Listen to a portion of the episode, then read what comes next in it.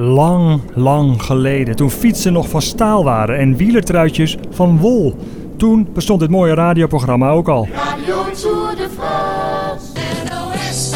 Radio 1 op FM. Kraakhelder zijn we te horen in 1986. 103.9. Radio 1 op FM. Daar word je vrolijk van. Goedemiddag Felix. Goedemiddag allemaal. Goedemiddag, NOS Radio Tour de France met Felix Meurders. En ook een warm welkom voor de verslaggevers in Frankrijk. Henny Ruckert, Jorrit Jorritsma en Jos Kuijer. En er zit nog een Italiaan bij, Francesco Rosignoli van de Carrera's. Hoe groot is de voorsprong? Dat vragen we aan Jorrit. De voorsprong is niet groot, Jos. En Henny, hoe reageert het peloton? Peloton, eh, dat reageert fel. 18 graden in Hilversum, toertemperatuur in de 30 graden. In Frankrijk is het dit jaar goed toeven, maar onze echte fans blijven liever in de buurt van de Nederlandse FM. Ja, in de vakantie dan gaan wij niet weg, want dan moeten we naar de Tour de France luisteren, want hij is voorste bang dat je iets mist middags. In Nederland zit het wielrennen in de lift in 1986. Het Nederlandse publiek is lekker gemaakt door de jaren van overheersing van de rallyploeg van Peter Post. Dit jaar heet de ploeg van Post Panasonic. En dit jaar is Post sikkeneurig. Er zijn eigenlijk geen opvolgers voor de grote namen Raas, Kneteman, Kuiper, noem ze maar op. Dat heb je toch ook hier gezien, of niet? Oh, sorry.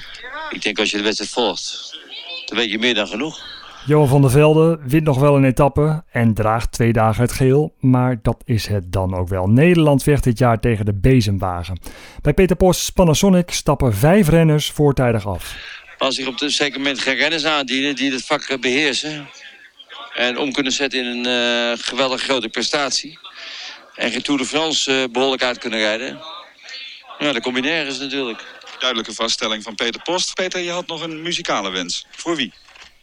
Voor mezelf. You know, there was a time Maar when ja, someone told you to do something. Zoals het gaat in het leven, is het ook in 1986 natuurlijk niet alleen maar ellende.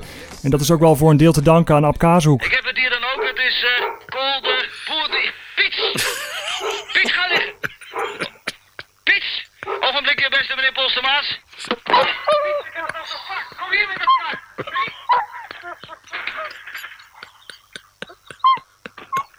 Ja, beste meneer Polstermaas, eh, de hond was er even vandoor met het kaartje, maar hier is dan de juiste oplossing.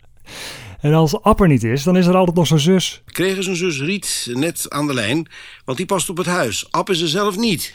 Nee, Ab is eh, met de auto naar garage van de plaats. Maar het hoogtepunt van de Tour van 86 is toch wel de slotweek. We gaan zo dadelijk beginnen aan de beklimming van de Alpe d'Huez.